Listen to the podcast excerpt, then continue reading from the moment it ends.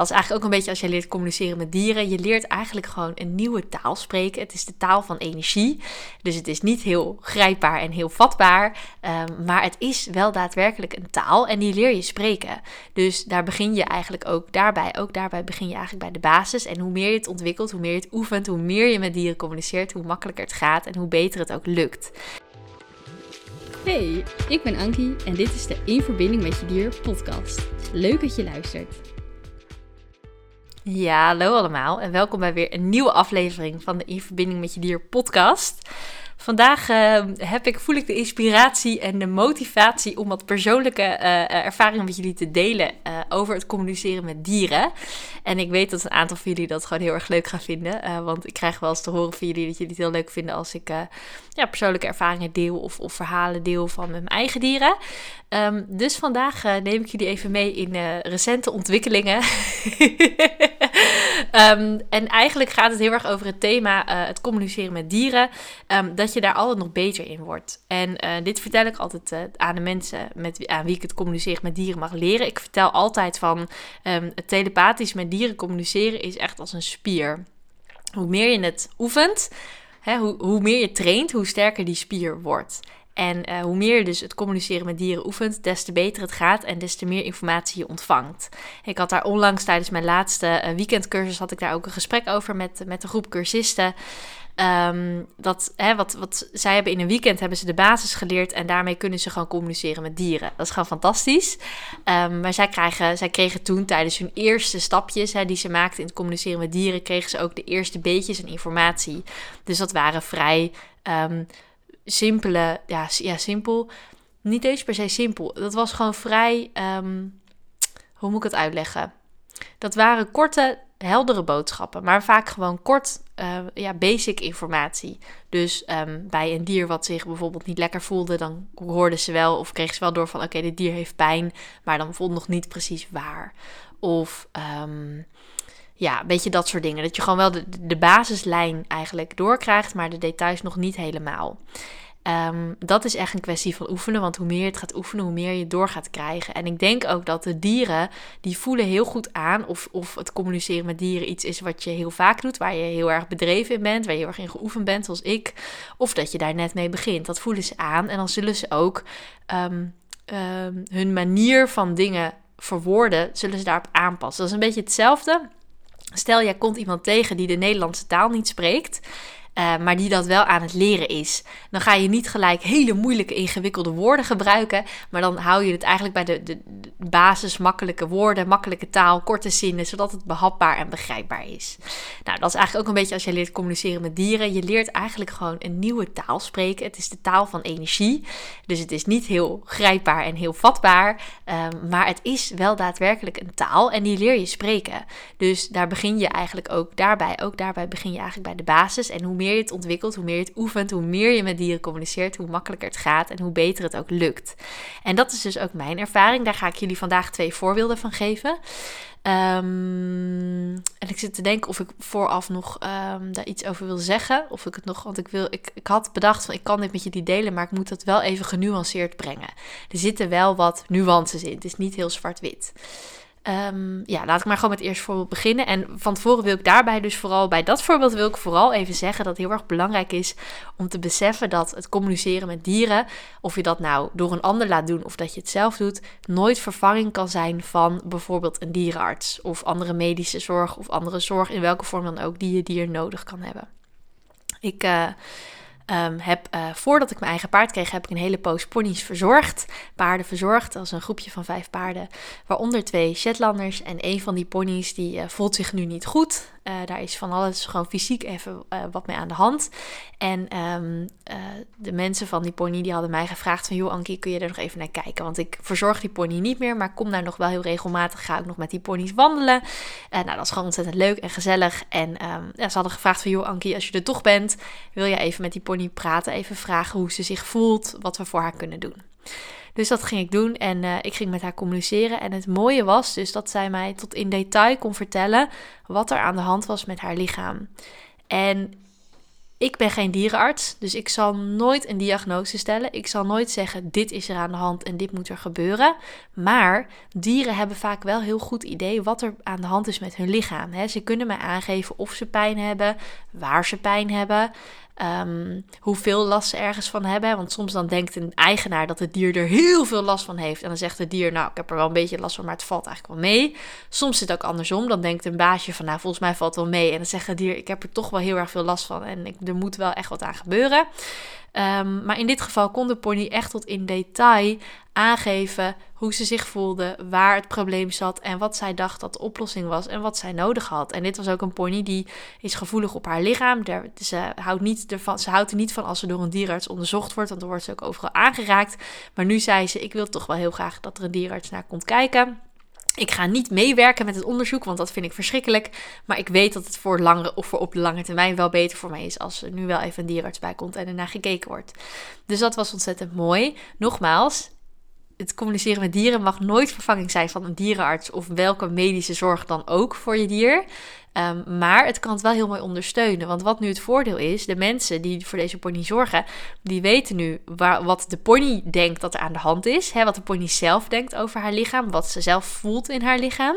En die kunnen die informatie wel meenemen naar de dierenarts. Dus die kunnen wel zeggen: hey, um, ja, ik weet niet of ze gaan zeggen dat ze dat. Hè, sommige mensen vinden dat dan een beetje moeilijk om tegen de dierenarts te zeggen: Ja, ik heb met mijn dier laten communiceren en mijn dier zegt dit en dit en dit.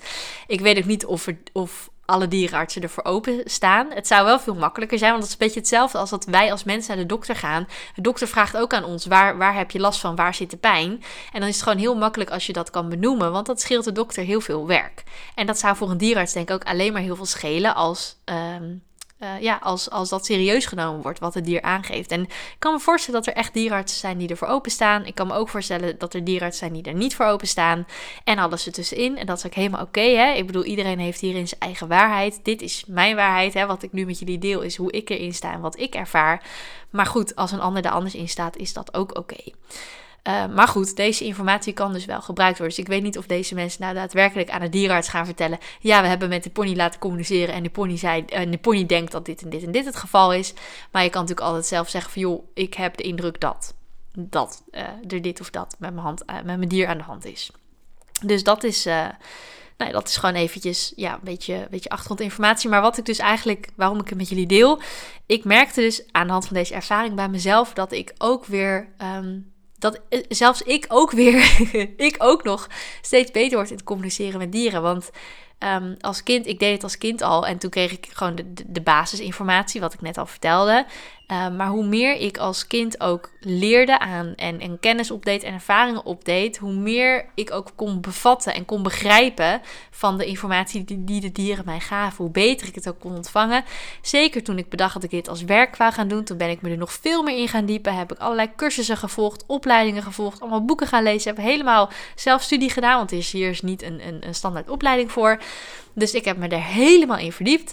En toen merkte ik ook, ben, ben ik natuurlijk ook heel veel gaan oefenen. En toen merkte ik ook elke keer van, oké, hoe meer ik oefen, hoe beter ik erin word. En dat is gewoon ontzettend leuk. En dat merk ik nu nog steeds. Het is niet dat ik hiervoor er niet goed in was. Ik was, ik, dit is mijn ding. Dit is, ik kan dit. Ehm, dus ik, doe dit ook al zo lang. En doe het al mijn hele leven eigenlijk. Dus um, het is niet dat ik hiervoor, er hiervoor niet goed in was. Maar ik merk ook bij mezelf dat ook ik er nog steeds beter in word. Dat het nog steeds makkelijker gaat. Um, ja, en dat ik gewoon steeds informatie van dieren kan ontvangen. En die informatie, zeker als het over medische dingen gaat, die informatie gaat dus nooit vervanging zijn van, uh, van de dierenarts. Maar het kan het wel heel mooi ondersteunen, want het maakt ook het voor de dierenarts een stuk makkelijker als hij weet waar hij moet zoeken. Dus dat is gewoon in mijn ogen een hele mooie aanvulling. Maar nogmaals, dat is mijn visie en mijn waarheid. En een ander voorbeeld, uh, dat, uh, was ook dat was vandaag. Dat was met mijn konijnen. Ik heb twee konijnen en die wonen bij mij in de tuin. Die hebben daar een hok en een hele grote ren. En die zitten daar met z'n tweeën gewoon heel gezellig. Het is gewoon ontzettend leuk. Ik word ook, ik, word ook heel blij van ze, nu ik aan ze denk. Um, en ik heb twee konijnen dus. En uh, die konijnen krijgen van alles te eten. Die krijgen hooi, die krijgen brokjes, die krijgen kruiden, die krijgen groenten. Nou, van alles. En water natuurlijk. Lekker water drinken. Uh, dus kun je, moeten natuurlijk geen dorst hebben. Maar punt is dus um, dat ze al een week eigenlijk hun brokjes niet echt aten. Eh, het ene konijn nog wel, de ander, maar die at het mondjesmaat. En de ander at helemaal geen brokjes. Maar voor de rest aten ze wel goed. Want normaal gesproken, als mijn konijn niet eten, dan denk ik gelijk: oh nee, die zijn ziek, er is wat aan de hand, ik moet ermee naar een dierarts. Maar omdat ze nu de rest van hun, uh, hun dieet allemaal wel aten, dacht ik: hm, dit is wel vreemd, maar ik kijk het even aan. Ik natuurlijk vragen aan mijn konijnen waarom ze die brokjes niet aten. En um, ik merkte dus vooral na een paar dagen, want ik ging het monitoren. Normaal dan strooi ik die brokjes door de ren en dan moeten ze die brokjes zoeken. Dan moeten ze een beetje werken voor hun eten. Nou merkte ik dus dat er best veel brokjes bleven liggen. Dus toen dacht ik, weet je, ik uh, voer ze even in een bakje. Dan kan ik even kijken hoeveel er precies wordt gegeten. En toen observeerde ik ook dat het ene konijn ze nog wel at, maar het andere konijn niet. En toen um, ging ik natuurlijk aan ze vragen van, joh, hoe komt het dat jullie die brokjes niet eten? En toen zei dat konijn wat ze niet uh, at, die zei van, uh, ja, ik vind ze niet meer lekker. En ik dacht, nou, Oké, dat is een beetje gek, maar oké. Dus ik ander konijnenvoer gehaald. Ik denk even proberen of hij dat dan wel wil. Want ja, ze krijgen al wel jaren dezelfde brokjes. Dus misschien is hij er gewoon op uitgekeken. Of misschien is er iets mis met um, deze zakken brokjes. Je weet niet, hè, misschien is er iets mee gebeurd waardoor die brokken niet meer lekker smaken. Of misschien is er wat aan de hand. Dus ik nieuwe brokjes gehaald. Nou, die at hij op zich wel. Die vindt hij ook wel lekker. Um, maar ik vond het nog steeds een beetje een gek idee. Of een beetje gek. Ik voel, had gewoon zo'n gevoel van er klopt iets niet. Maar wat dat konijn wel heel sterk tegen mij zei de hele tijd was: je hoeft je er geen zorgen over te maken. En dan zeggen mijn dieren dat wel vaker tegen me, want ik ben vrij snel bezorgd uh, uh, over mijn dieren. Dat komt je vast bekend voor. Uh, want ik weet dat heel veel mensen zijn die, die vrij snel bezorgd zijn over hun dieren. Um, maar dit konijn zei van ja, maar je hoeft je er geen zorgen over te maken. En ergens had ik ook het gevoel van ja, ik hoef me er geen zorgen over te maken. Het, het, komt wel goed. Het is niet gelijk acuut iets waar ik nu mee uh, naar een dierarts moet.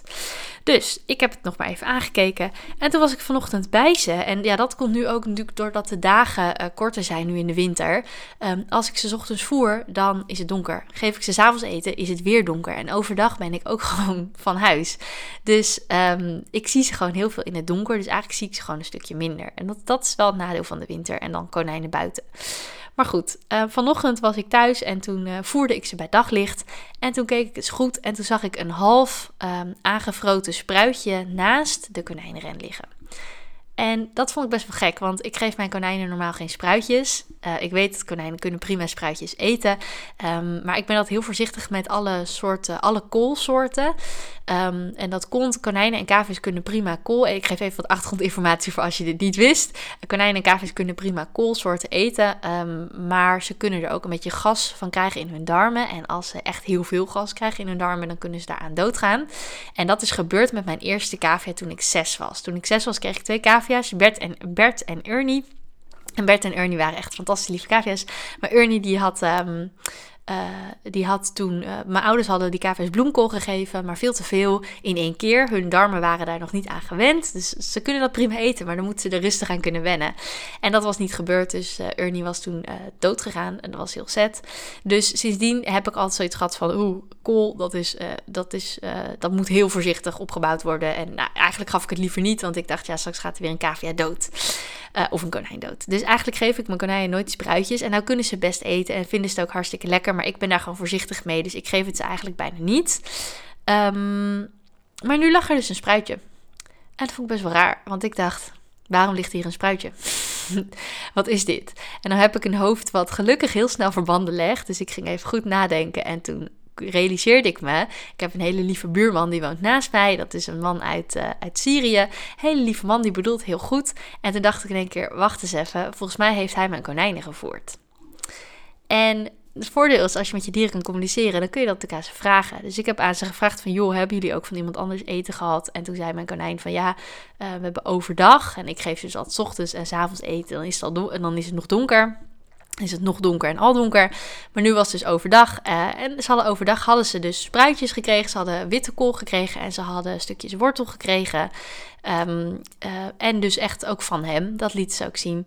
Dus dat vertelde ze aan mij. Dus uh, ik kreeg er ook beelden van door hoe dat in hun ren werd gegooid over de schutting. En nogmaals, dit is een hele lieve man die het heel goed bedoelt hoor. Die oprecht dacht dat hij mij ermee hielp. Um, maar wat dus het gevolg ervan was, was dat um, Paltje, dat is het konijn wat nu zijn brokjes niet at. Dat is echt, het is een schat van een beest. Ik ben dol op hem, maar het is echt een kleine veelvraat. Uh, dat konijn eet alles wat los en vast zit. Die is gewoon dol op eten. En wat is er dus gebeurd? Hij heeft ontzettend veel van die groenten gegeten, meer nog dan het andere konijn. En hij had dus gewoon geen honger meer. Dus die brokjes, die waren het minst lekker. Dus die heeft hij laten staan. Dus het hooi at hij wel. En de groenten die ik ze gaf, at hij wel. En de kruiden at hij wel. Maar die brokjes, die gewoon minder lekker. Minder lekker dan de rest. Dus die heeft hij laten staan. Dus toen was het probleem opgelost. Want toen heb, ik even met mijn buurman gesproken. En, en gevraagd van, joh, klopt dat je mijn konijn hebt eten gegeven? Ja, dat had hij. Ik zei, nou, ik, heel lief uitgelegd. Ik zei, ik weet dat je het heel goed bedoelt.